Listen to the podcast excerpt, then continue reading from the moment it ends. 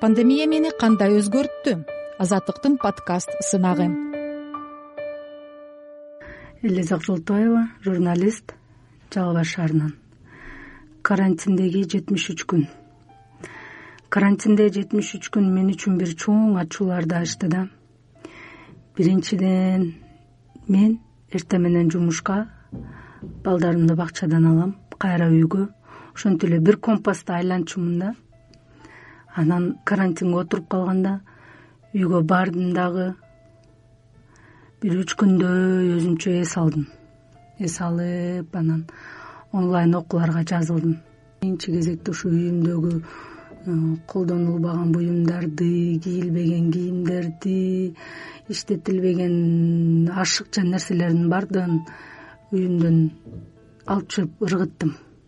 Өрттөгөн өрттөдүм ыргытканын ыргытып салдым балдарыма көңүл бөлүп мен үч наристемдин аралыктары жакын жакын болгон үчүн кичинекей да анан э, баягы балдарымды карап отурсам менин чоң кызым бийге шыктуу экен да жана баластан каналынан көрүп э, ар кандай жанагындай бийлей турган эме мультфильмдерин коюп бергенде аларды турап бийлейт экен да мен ошол өнөрүн билбечкемин жеткинчектер үчүн бийлерди кантип үйрөтсө болот деген ютубтан атайын берүүлөрдү көрүп анан мен кызыма э, үйрөтө баштадым да.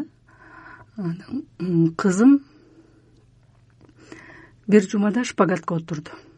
Бул мен үчүн аябай чоң жетишкендик болду. Мен бир эле ырды такай угам да негизичи. Анан ошолорду менин кызым жаттап алыптыр да. Анан апа сиз отурсаңыз мен сизге ырдап берем дейт. Анан отурсам ырдап берди. Ырдап бергенде ар бирин интонациясын ордуна коюп ар бирин э, такай так аткарып бергенде мен ушунчалык көзүмө жаш алып ыйладым да. Анткени менин кызым ушундай таланттуу экенин мен өзүм билбептирмин конструкторубуз бар эле бирок ойнобойт эле да. Мен көрсөм менин балдарым ойнобойт деп эле. Аны жыйнап жыйнап алып койчу экем ал менин эң чоң катам болчу экен. Анан мен аны алып бердим. Алып берсем менин балам ал конструктордон өзгөчө роботторду жасайт экен. Мен ошол өнөрүн байкадым баламанчы балам азыр үч жашта өзгөчө роботторду жасайт экен өзгөчө үйлөрдү жасайт экен. Мындай ойго келбеген мындай э, мындай чоң чоң мындай курулуштарды жасап атпы да. Мен ушунчалык сүйүндүм. Айлыгым тийген сайын китеп алып барып Э, коет элем да. Ошолорум э, баштап коет элем окуй албай калат элем баштап коет элем окуй албай калат элем карантиндин ичинде мен он сегиз китеп окуптурмун да. Карантинден ушул убакка чейин жыйырма алты китеп окуп бүтүптүрмүн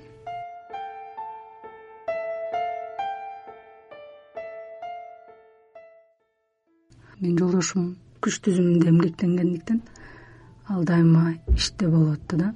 Эки күн келбегенде бизге анчалык билинбеди анткени алар дайыма иште болгон үчүн бизге билинбеди уже он бир жума өтүп он күн дегенде биз уже ушу только видео звонок менен сүйлөшүп калдык да. Адамга болгон баалоону сездим.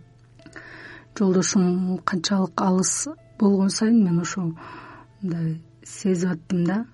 Анан деп ушу ар бир сүйлөшкөндөрүбүздү баягы сүрөткө тартып тартып алып аттым да.